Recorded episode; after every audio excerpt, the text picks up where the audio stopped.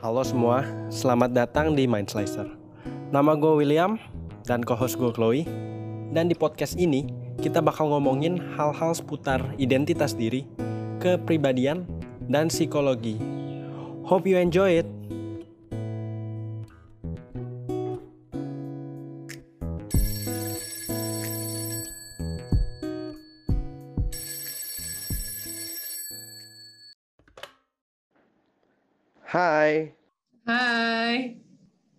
Kita ngapain sih di sini?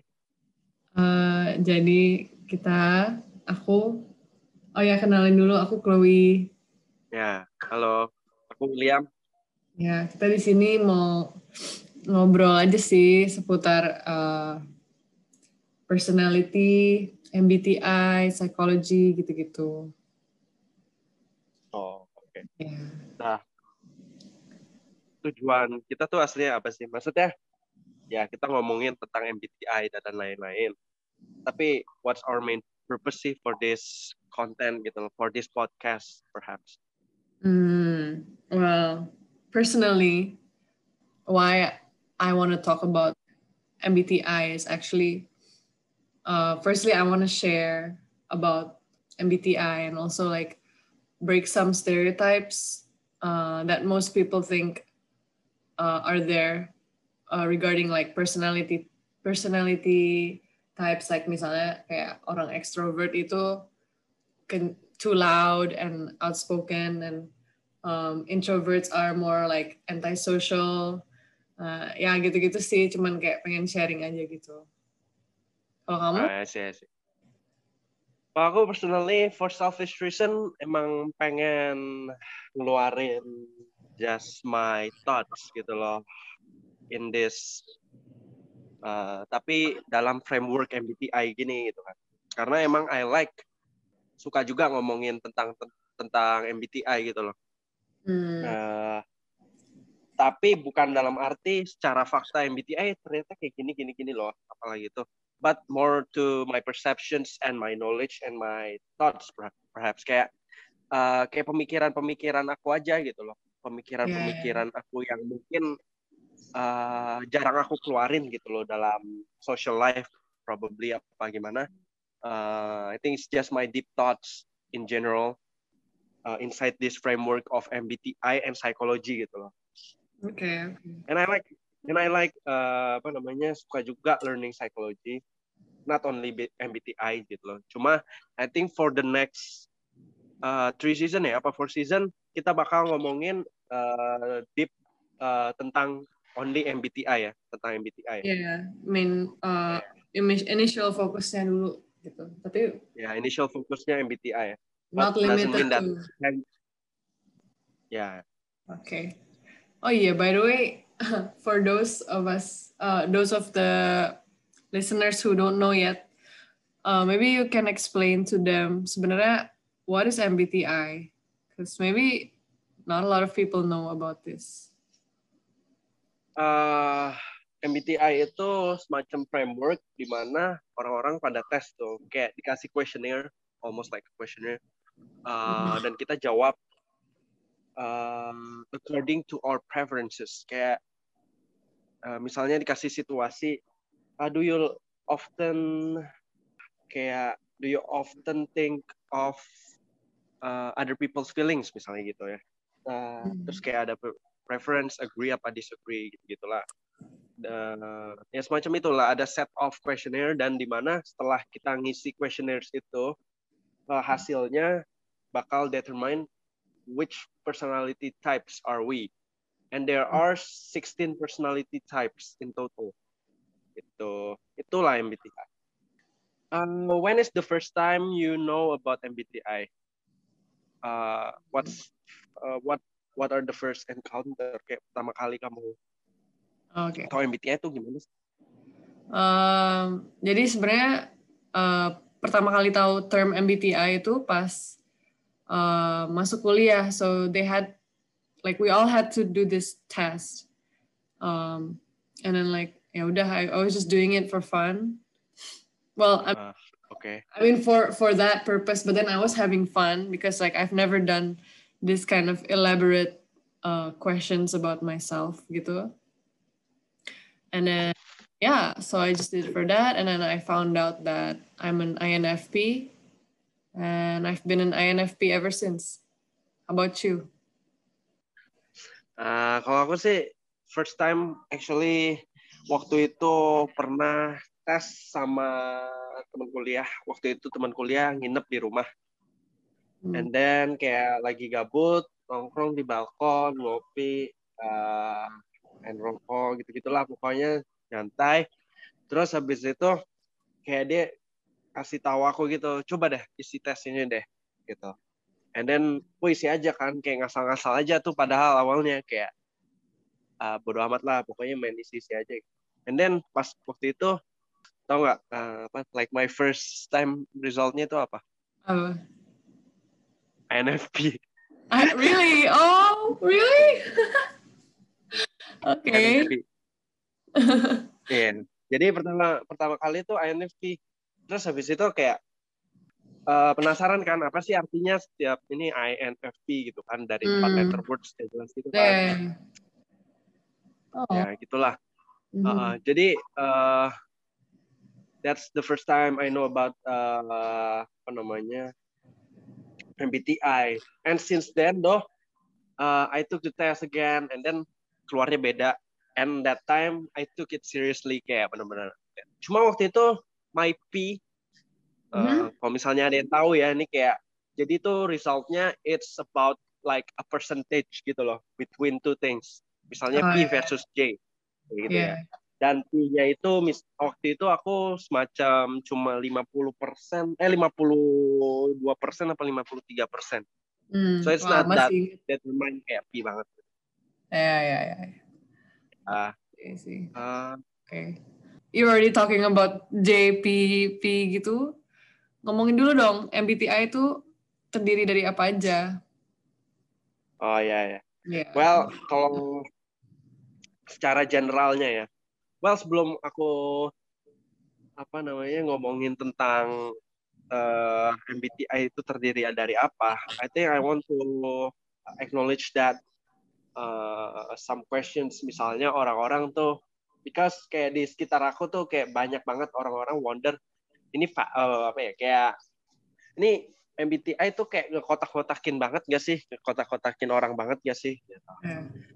Uh, uh, and my my answers to that is iya emang mengkotak-kotakin aslinya I think.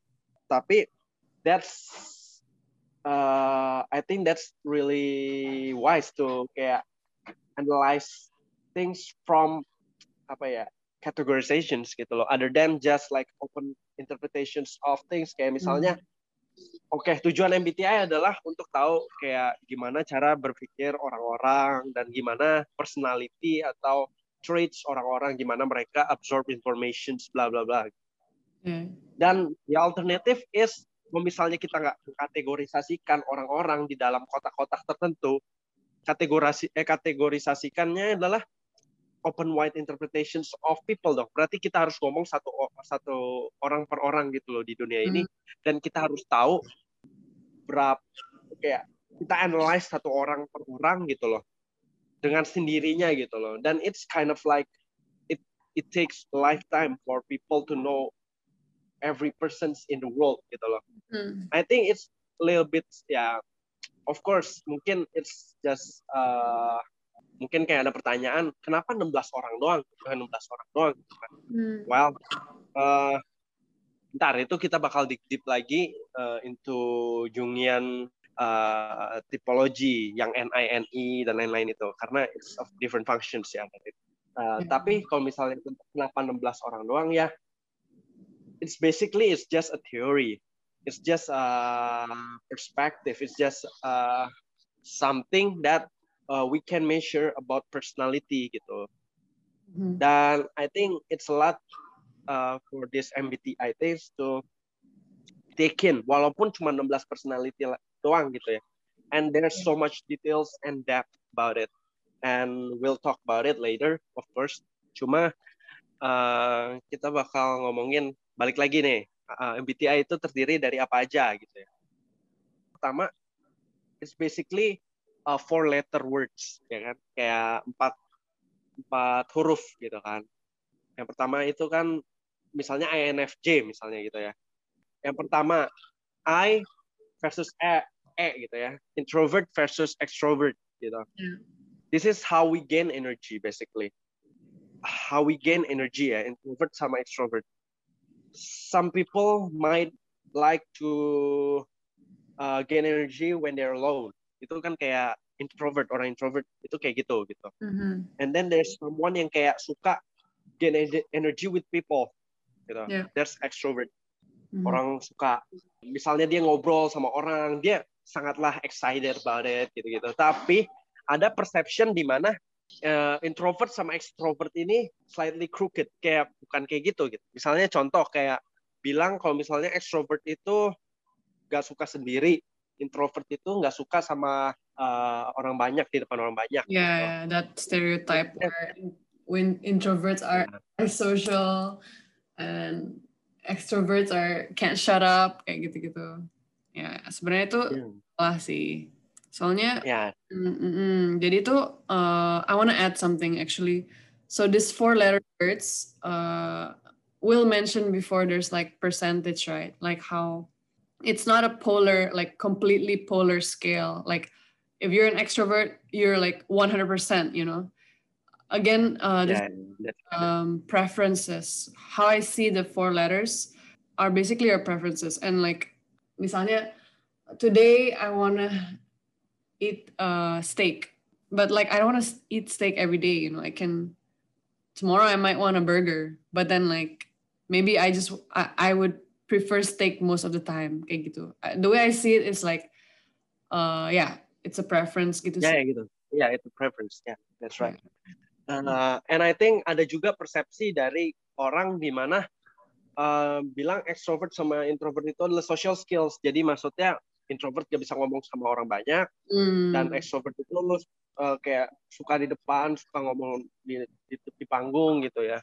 yeah. Dan kalau misalnya extrovert ya social skills-nya tinggi gitu. Tapi nggak juga. Karena it's not a social skills ya.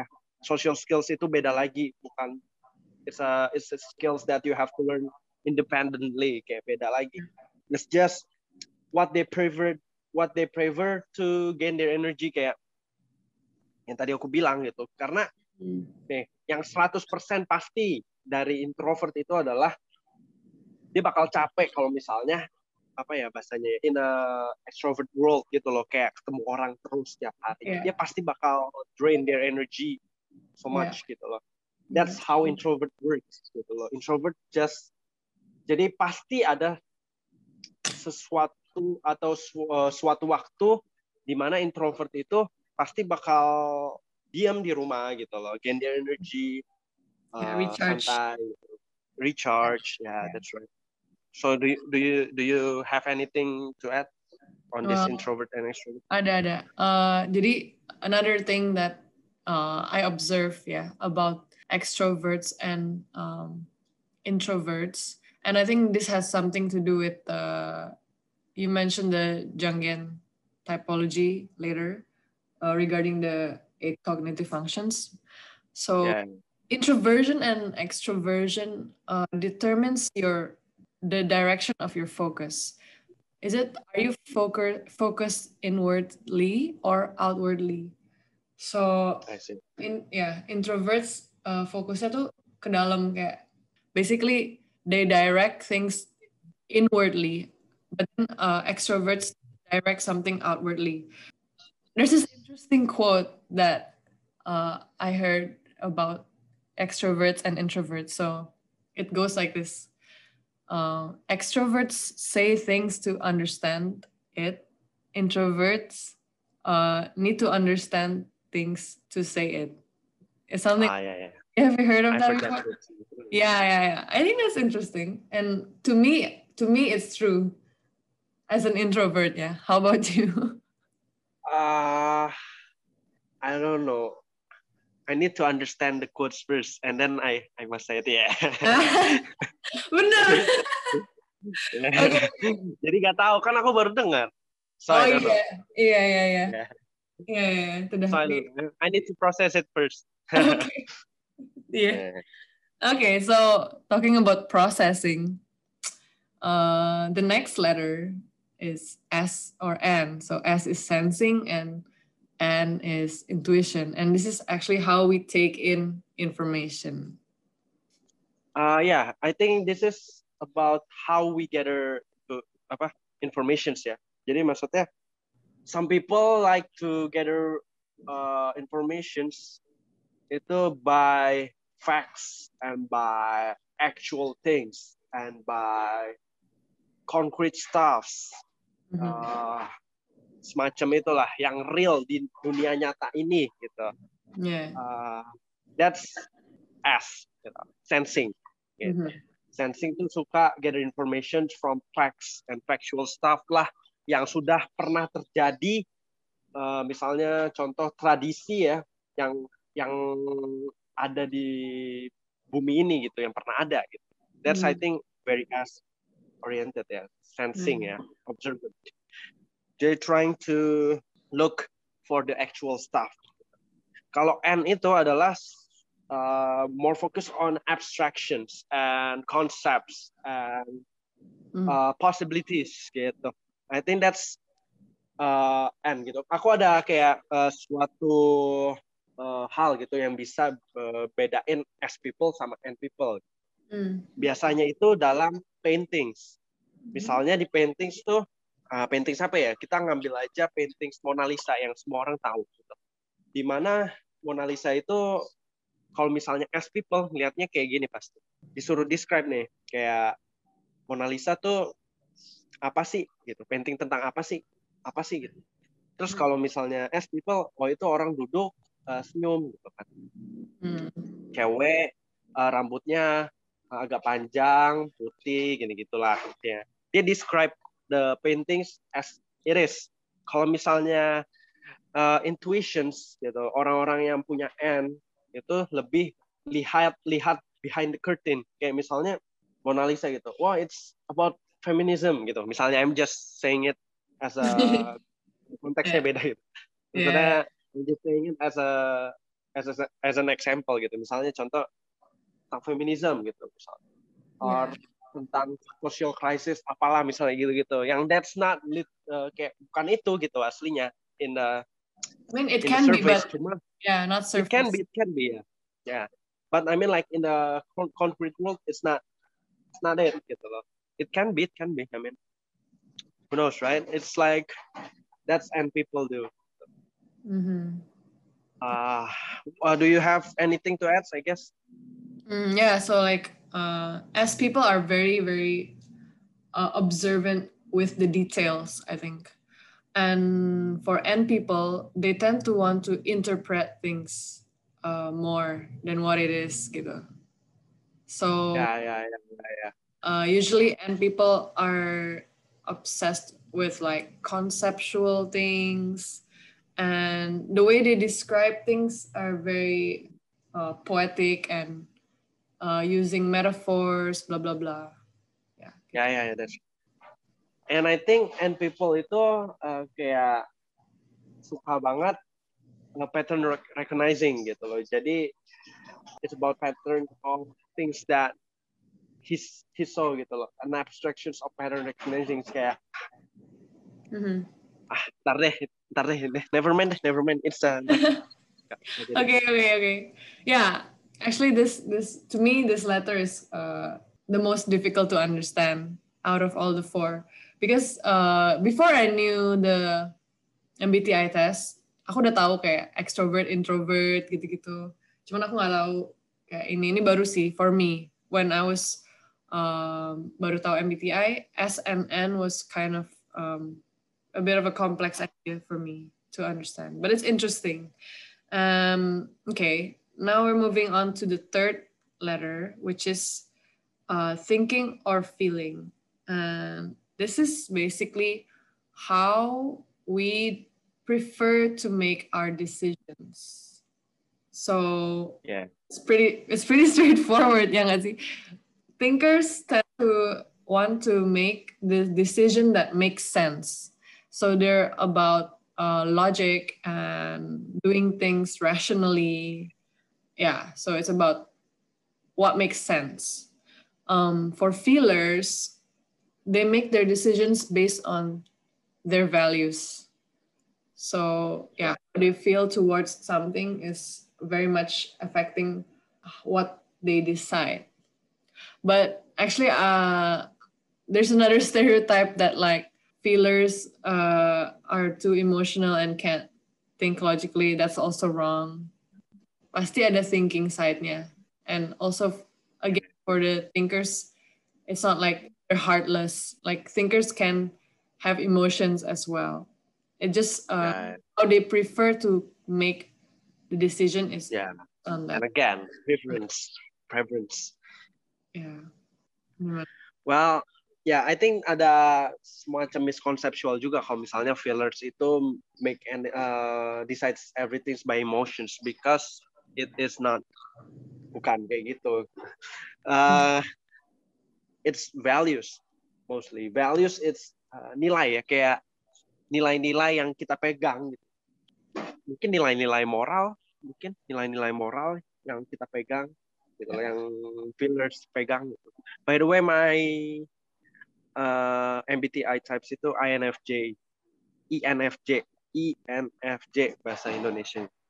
Nah, kalau I mean like fillers itu belum tentu eh sorry fillers itu uh, mungkin ngelihat values itu lebih dari uh, something yang make sense gitu.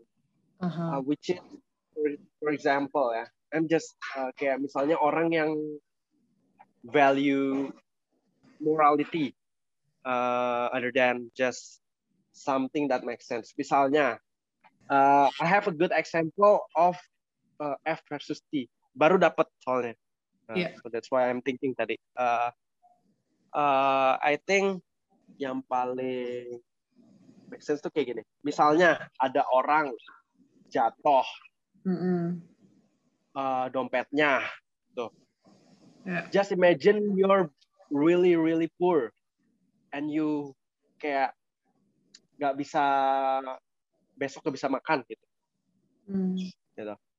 Uh, I think F types is more possible kayak lebih possible untuk ngasih dompet itu ke orangnya gitu.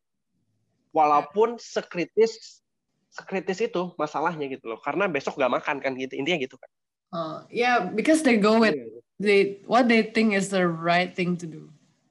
Ya, yeah, it's it's their values gitu loh. Values nilai moralnya dia gitu loh. Dia nggak mau ngambil hak orang lain misalnya gitu. That's their values misalnya contoh gitu. That's yeah. very F gitu kayak. So it's not emotions basically. It's just uh, values gitu, nilai dia, nilai personal dia gitu.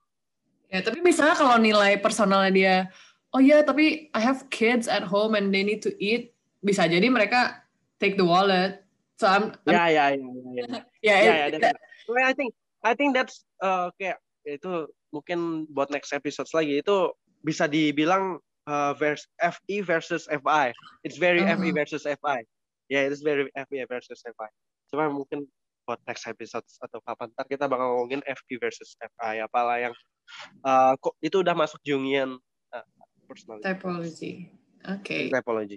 Oke. Okay. Uh, and next itu kita bakal ngomongin P versus J. J. Yeah. This is basically how live your life. Gimana kalian menjalankan hidup kalian gitu. P itu oke okay, J dulu deh. Uh, J itu adalah yours. okay. J dulu karena J kalau aku, aku personally I'm J. Jadi uh, J orang J itu suka something yang uh, berstruktur, suka sesuatu yang lebih punya schedule gitu, organize. Uh, they like uh, checklist things gitu loh, Check, uh, checklist ya checklist. Yeah. Uh, they like uh, reminders, I guess kalau aku personally. Uh, they like to make plans. They just like things organized. Kalau P itu Uh, just a mess, ya. Yeah. Oke, okay, gini. Jadi kalau P gimana tuh? Kalau orang P, the reason why. so to me, P is not perceiving. P is for uh, P stands for possibilities. Bikin so, sendiri. iya, jadi tuh uh, gini, orang P itu apa ya? They find comfort in knowing that there's always another way out. You know, like if this doesn't work, uh, there's always this other way that I can go to, and I think uh, that way of life really appeals to uh, P people because, I mean, you always have a backup plan, and like, well, we do have backup plan. I know, I know. In contradiction to, I mean, okay, gini deh, not plan, not not backup plan, but I think P people uh, like to think on the go gitu loh. I see, I see. Uh, uh, kalau yeah, yeah, yeah. kalau J people, uh, they prefer to prepare things beforehand because that makes them feel more um, secure and they know what to expect gitu loh. Kalau P, uh. they, they kind of wanna see what what happens first and then they can adapt to it. I think that's the difference between. Yeah, I think that's really good explanations. I guess. Uh, although I think a person is uh, P person prefers. I'm not. I think I should just like gak bilang kayak is gitu loh. P person is P prefers. Gitu. P person prefers kayak uh, spontaneity ya, lebih kayak uh, mm. let it flow, going of life gitu loh ya udah let it flow aja dulu gitu yeah. I think that's right yeah. kayak misalnya mau mulai project gitu. Ya udah let it flow dulu aja yuk mulai dulu aja deh pokoknya. Kalau misalnya J people pasti ayo kita bikin plan. Gimana mau gimana? I think that's uh, the difference in how we live your life. And basically it's it's I think it's very very big deal gitu last uh, last last letter ini loh yang P versus J because it's basically live how live how you live your life how you live your life itu penting yeah. ya maksudnya it's basically uh, embedded into every uh, everything in your routine gitu loh enggak sih kayak jadi setiap hari ya berarti cara hidupnya beda aja gitu makanya uh, mungkin ter we'll discuss this later cuma I'm just saying it uh, as a general knowledge kayak INFP yang ke, ke personality kamu kan INFP, INFP yeah. kan. Aku INFJ. The total functions of that is totally different. Padahal beda P sama J doang belakang. Ya, kayak it's just mind blowing. Gitu. Mind blowing gimana how these things work. Oke. Okay. Yeah. Uh, continue ya. So why is MBTI important for you? Mm, okay, for me, uh, why it's important. I don't know. Ever since I I know about this, um, it helps me to understand people better. So not only people around me, but also more importantly, understand myself better. Now that I have the knowledge that there's not only one type of personality, and uh, I can kind of empathize with uh, others better i think because um, you know trying to understand how they view the world uh, how they approach uh, an issue uh, that helps me what about you? Do you think it's important? And how? Uh, kalau misalnya penting sih ya nggak gitu penting banget sih aslinya ya. Right? Like yeah. secara kehidupan yeah. keseluruhan mah spektrum keseluruhan hidupan mah nggak gitu penting banget. Cuma tapi kalau menurut aku pentingnya tuh buat kalian yang pengen tahu dari diri sendiri itu dan sekitar.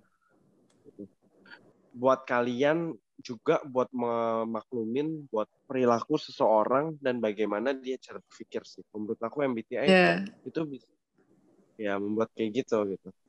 Ya kalau misalnya disuruh pilih konten misalnya uh, cari duit gitu atau uh, ini mendingan cari duit lah. It's more important for this. Cuma uh, the okay. point is the point is untuk mengerti beberapa spektrum gitu aja dari orang-orang dan cara berpikir berpikir gitu. Secara hmm, yeah. ini ya secara typology gitu. Uh, dan aslinya sih buat menambah-nambah persepsi aja gitu. Karena ini kan mm some kind of like uh, teori lah gitu kan. Dan nambah-nambah pikiran aja gitu loh buat kita. Dan pelajaran lah. Menurut aku sih itu.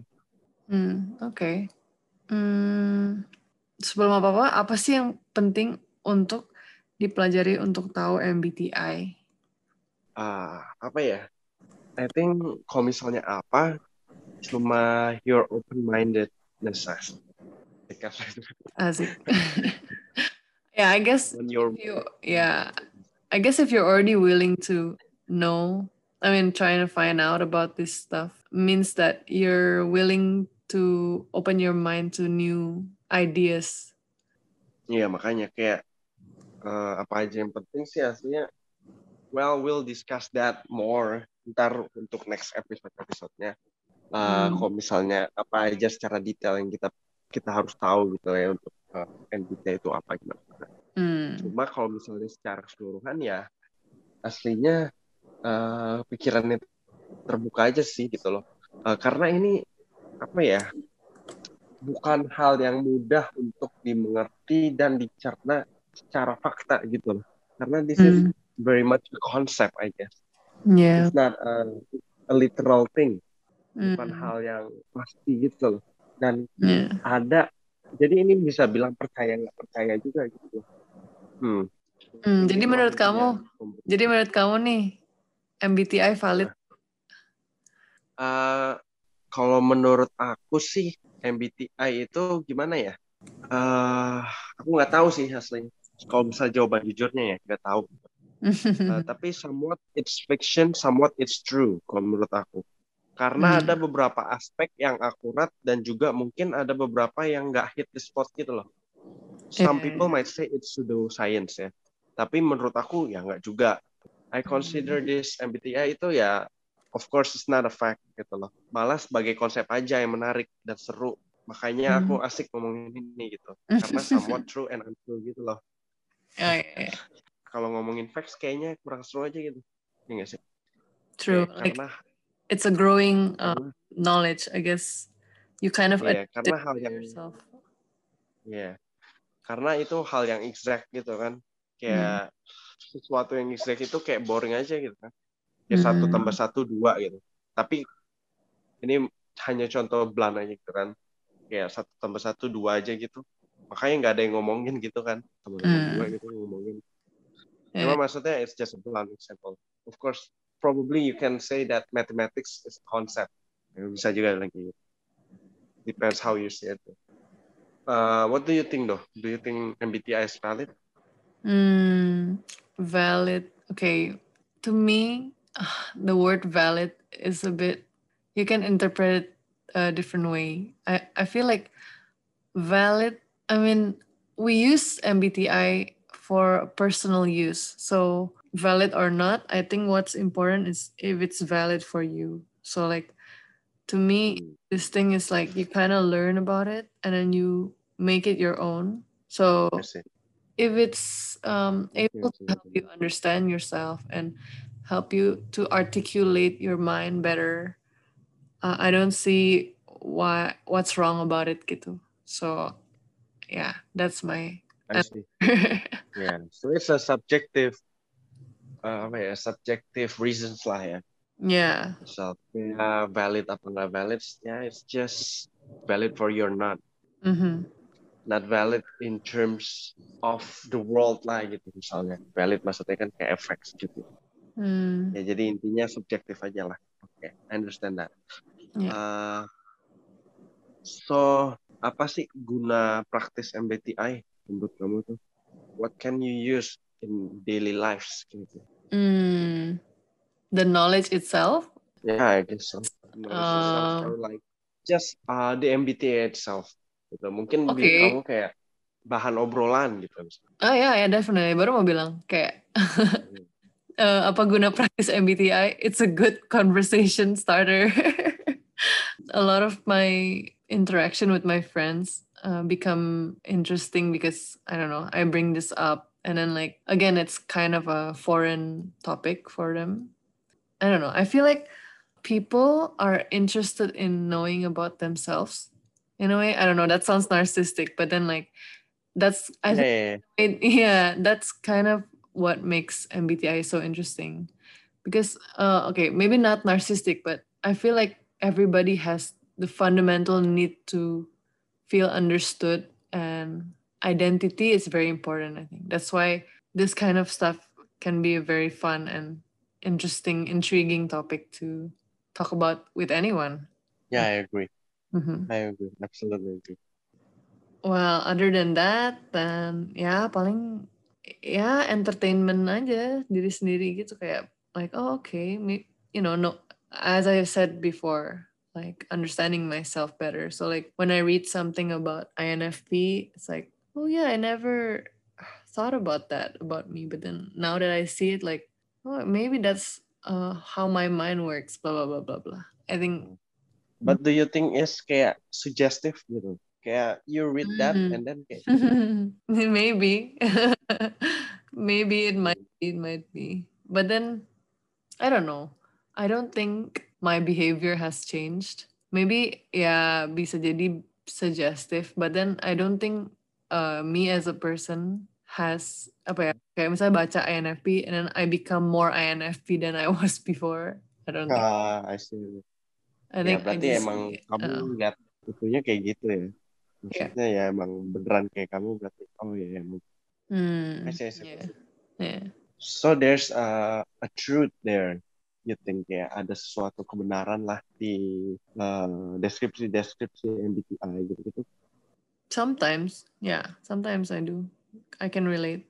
There's not all the time, but like a, there are sometimes where, oh yeah, this is me, this is me. yeah. By the way, kan kamu dulu katanya the first time you took the test, kamu INFP juga kan? Ya. Terus kamu take lagi, terus jadi INFP. Nah, Hmm. eh, kenapa sih MBTI bisa ganti-ganti hasilnya?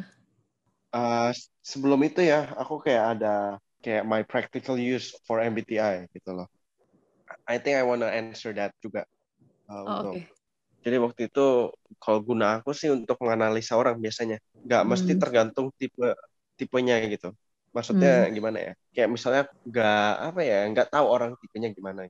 Mhm. Cuma sebagai base funda- fundamental knowledge aku tentang uh, Jungian tipologi yang kayak Hmm. NINE. Kayak jadi aku kayak ngerasa aku kan analisa dari cara berpikirnya gitu, cara dia memandang dunia misalnya, apa cara ngomongnya, gimana Hmm. gitulah. Yang menurut Mhm. aku tuh ngerti gitu maksud ucapannya dia tuh apa. Kadang seperti itu. Hmm. Eh, karena kalau misalnya bukan maksudnya kalau misalnya nggak pakai ini jadi nggak ngerti gitu, bukan gitu. Maksudnya ngerti dalam arti polanya gitu, bukan katanya gitu. Kayak oh Hmm. berarti ini orang ngomongnya kayak gini. Ada kemungkinan kalau misalnya dia tuh uh, ngomongnya emang kayak gini. Gitu. It means that it's continuously kayak gitu. gitu. And it also means that kelihatan kayak behavioral pattern-nya gitu loh. Menurut aku sendiri gitu. Oke. Jadi yeah, that's interesting actually for me for myself I guess. Dan kalau menurut aku bukan itu juga sih ya. Ah, Aku juga lebih tahu of course lem- lebih tahu diri sendiri dan juga menganalisa kehidupan aku sendiri man. Mhm. Misalnya kayak aku lagi identity crisis dan kesel nggak tahu kenapa nggak ngerti gitu. Misalnya, misalnya Iya. gitu ya. Cuma aku bisa analisa dan introspeksi diri gitu. Mungkin Hmm. kalau dari sisi MBTI aku mikirnya kayak berarti fungsi ini kurang aku improve nih gitu. Misalnya Hmm. kan ntar like function ini aku kurang improve. Jadi aku ngelihatnya alat sih untuk Iya, iya. introspeksi melainkan solusi. Mhm. Aku melihat ini sebagai alat aja gitu. Bukan berarti aku misalnya introspeksi diri, uh, aku gunain MBTI terus nggak juga gitu. Maybe it doesn't work at certain times gitu. Sometimes it works juga. Jadi it's not uh, an absolute things to to go to gitu loh. It's just a Hmm. Dan kalau misalnya aku lihat itu sebagai solusi, itu malahan buat kita jadi judgmental malahan menurut aku. Iya. Gimana nih? Maksudnya kayak aku tuh misalnya kamu, misalnya nih ya, kamu kan NFP nih. Terus kayak aku Mhm. bilang kamu lagi sedih dan ada masalah gitu. Terus Mhm. kayak aku bilang, "Ah, kamu kamu kan NFP, berarti kamu harus improve ini ini dong, bla bla bla bla. Iya. jadi kayak aku melihat kamu tuh sebagai tanda kutip INFP doang. I mean, hopefully my saying could help you. Cuma kayak misalnya kamu kan INFP gitu kan. Ya mudah-mudahan uh, sayingnya sih mungkin works gak buat kamu kan aku nggak tahu. Oke. Cuma I don't judge you as INFP doang. Maksudnya aku setiap masalah kamu setiap masalah aku bilang kamu aku bilang kayak kamu suruh improve ini dong. I mean, I don't mind. I mean, to me, it kind of helps me uh, rationalize things sometimes. Like when I label myself as some like a variable like INFP, it helps me fix the problem in a less emotional way. It's just like, okay, this part of me is uh, needs improvement, this part of me, blah, blah, blah. So to some extent, I find that it's useful to, you know, type me that way. But I agree with you. Um, we shouldn't stereotype everyone under the same umbrella. Again, you have to be empathetic and, you know, really see the person for who they are, not yeah. their type. I agree. Really true. Uh-huh. It's very very true. You need to do that. Kalau misalnya orang uh, yang udah tahu uh, MBTI gitu lah ya secara lengkap gitu loh. I think it would be wise to mm-hmm. acknowledge MBTI itu just as a tool and as a perspective aja gitu loh, not as fully see it as a, a fact or as a thing that you hold on to gitu loh. Mm. Kayak yang pegang itu sih balik lagi nih ya tadi kan kamu bilang kenapa MBTI bisa ganti-ganti hasilnya. Yep. Kalau menurut aku uh, ada tiga, uh, dua alasan sorry kenapa ganti-ganti. Hmm. Pertama karena kayak aku dulu tuh yang tesnya main-main dan iseng-iseng aja kalau menurut aku ya. Dan hmm. itu nggak nunjukin hasil yang akurat dan jadi bisa berubah untuk tes keduanya. Uh, kalau misalnya aku tuh kan tes ketiga udah sama tuh kan. Berarti itu kemungkinan besar benar. Hmm kemungkinan besar benar dan selanjutnya berarti emang kamu type-nya itu. Tapi kalau misalnya nggak apa namanya ganti lagi gitu, kalau misalnya tes ke ketiga, keempat yang diganti lagi, kalau menurut aku emang gara-gara you still looking for your own, own preferences gitu loh. Hmm. Karena itu kan kuesioner untuk MBTI ngukur preference ya. Kalau kalian nggak tahu sama preference kalian, dan masih mencari gitu prefer, kamu prefer ini apa ini mungkin itu bisa jadi alasannya gitu loh hmm. dan hasilnya yang beda-beda itu kan karena preference kalian yang berbeda-beda at that moment pas kalian tes. Misalnya kamu lagi suka bantu orang gitu kan kamu kan pasti ada preference yang diambil di questionnaire itu misalnya. Eh next lagi deh coba. Nah, mungkin aku uh, moodnya apa prefernya lagi kayak gini masih mencari apa yang gue pengen ya apa yang gue lebih apa ya prefer ya gitu. Hmm. I don't know. Yeah. might not as a as an accuracy gitu hmm. menurut aku menurut kamu kenapa yang bisa ganti-ganti well I heard this thing I don't know though I'm still like skeptical about it but I mean I won't go into detail about it because it involves the Jungian uh, typology. So, okay, basically, each personality type all has uh, eight cognitive functions, right? And um, we kind of have a priority in like how which function that we use. And I heard that uh, why uh, you can be mistyped into like specific uh, different types, so like changing all the time, is because during that time of your life you're developing different functions in your in your mind gitu.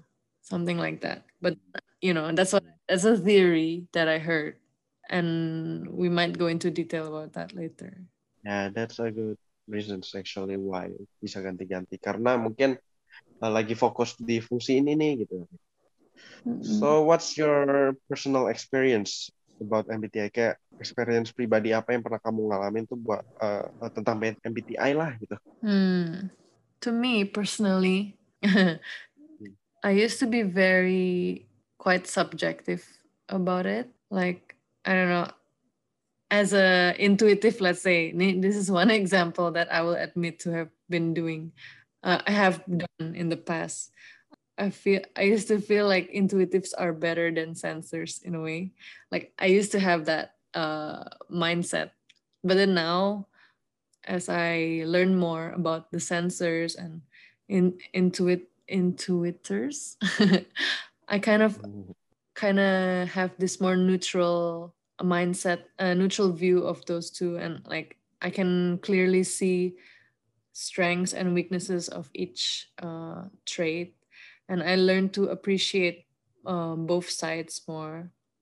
Yeah, I, I guess uh, it's still a learning process. I mean, like I still kind of like, again, that's because I'm thinking this way as an INFP gitu. Yes, yes. Uh, I still I, I think MBTI can be apa ya double edged sword gitu. Like in a way it helps you to Hmm. understand people better. But then you don't want to be ya, you you really want to be humble and ya not think like oh yeah I know that you're doing this because of your blah blah blah blah, blah which function gitu. Kayak that's so that's a really bad habit that you know Ya, ya, ya. ya. I avoid to Balik do lagi sih ya. ya gitu dah Ya balik lagi ke ini kayak tadi yang aku bilang melihat seseorang dari tipenya doang gitu. Mm-mm. So, what about you? Do you have any experience with MBTI? Interesting experience? Nah, kalau aku sih, I don't know if it's interesting or not. Cuman experience aku dulu tuh aslinya sama temen-temen juga semacam seru-seruan aja gitu. Waktu itu pas di kuliah gitu kan. Soalnya aku kan Hmm. kuliah dulu, eh, kalau misalnya belum tahu, aku kuliah waktu itu kuliah perfilman ya. Dan kita Mm-mm. tuh tertarik eh, dengan beberapa bentuk karakter dan sifat-sifat pribadi seseorang tuh. Dulu tuh kayak eh, kita nongkrong di suatu meja gitu ya di luar. Dulu aku masih ngerokok, ngerokok, ngobrolin hal gitu loh yang dalam, filosofikal dan juga eh, kadang ngomongin MBTI gitu loh. Jadi emang dulu tuh emang seru-seruan aja gitu ya pas kuliah. Hmm. Nah, nah, kalau misalnya dikasih tugas gitu kan, disuruh tulis skrip gitu, aku biasa itu nyari inspirasi dari MBTI dan karakter karakternya gitu. Dan juga sebagai tool sih untuk mengerti sebuah karakter yang aku tulis gitu. Karena kan Hmm. ya it's really helpful actually to write scripts. Uh, and MBTI itu kan me, apa ya mengeneralis mengeneralisasikan karakter secara lengkap gitu loh aslinya kan dengan cara berpikirnya gini gini. Jadi kita bisa masuk ke dalam eh, mungkin bukan ke dalam sih ya. Kita bisa lebih mengerti karakter yang kita tulis gitu sih. Itu yang guna eh, kegunaan aku itu sih pas experience aku eh, nulis skrip gitu lah. Dan juga itu dulu semacam apa ya kayak ceng-cengan atau kata-kataan gitu. Kayak waktu itu misalnya ada sesuatu yang dilakuin eh, terus sangatlah stereotipikal dengan type-nya orangnya itu. Kayak misalnya. Kayak misalnya NFP kayak gini nih gitu. Terus kayak ada orang susah nih NFJ emang gini nih. Kayak gitu-gitulah. Kayak menstereotip. Cuman aslinya itu cuman apa ya? bercandaan gitu. It's not a it's not Yeah, like yeah, yeah. apa sih, kayak gitulah. Gitu. Dulu sih aku kayak gitu. Uh, oh ya, and like aku juga mm, tentang kayak apa ya? I have a, a few friends who are INFP juga. Terus kayak I don't know, we kind of jadinya kayak pernah kayak ih kayak apa ya kalau kalau lagi curhat gitu kayak aduh INFP things gitu deh pokoknya. like I don't know, Hmm, ya. it helps uh, unite us together, you know. Ya, ya, ya, ya. That's Together. that's uh yeah. Yeah, I think so. Yeah, It yeah. helps us to unite. Yeah, Mm. I guess so. Uh, I do have theories though. I think it's quite radical actually. Agak uh, radikal ya. Karena Waduh. do you think that N types gitu ya? N types kalau misalnya kalian lupa itu intuitif ya. Intuitive Mm-mm. atau intuitions are more interested in MBTI gitu. Hmm. What do you think? Uh oh. Hmm.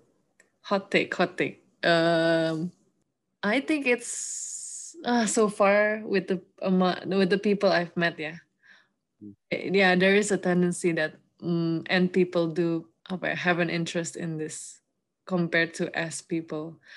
Okay, and I think uh, the reason goes back to you know how MBTI is a concept and it's like something like quite abstract and not concrete. That's why I think N people are ya, attracted to this compared to S people. Like um I have a few friends who are S and like I don't know when I talk about this they're they're kind of they're the ones that kind of point out that I kind of overanalyze people. Like I'm just doing this because of this, not because I'm an ESFP or you know like Hmm. yeah, I mean, yeah, S types are fun. They kind of like ground you. They kind of like Hmm. back down to earth when you're apa ya in the MBTI cloud. anyway, Yeah, you think? I. Mhm. Yeah, I think it is true because N types more likely to go deep, deep to abstractions of the concepts ya. Ya, such as ini kan 16 personality types itu kan aslinya juga uh, some kind of a concept, ya enggak sih? Mhm. Uh, 16 personality types itself is concept which is belum tentu benar juga gitu. Yeah, right. Right. It's Dan not a juga- fact. It's not. Hmm. Yeah, sensors love facts. So. Ya, ya, ya. Jadi N types tuh juga lebih suka tahu tentang hal yang belum tentu facts gitu kan. Kalau S people ya yang kayak kamu bilang gitu lebih suka yang fakta-fakta gitulah. Mm-mm. Um, dan kemu- kemungkinan dia neglect atau tidak tertarik untuk mengetahui secara detail dan juga secara dalam tentang MBTI itu tinggi banget gitu menurut aku untuk S people. Tapi belum tentu ya, belum Hmm. tentu semuanya gitu. Karena emang ada juga uh, S people that interested in MBTI itself. Mhm. So guys, this is it for today's episode. Hopefully it's useful in any way for you guys. So you know that there's 16 personalities. Uh, untuk next episode selanjutnya kita bakal ngomongin 16 personality itu dibagi empat grup. So stay tuned and see you next time. Dah.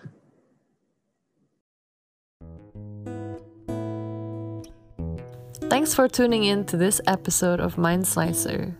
See you again next week.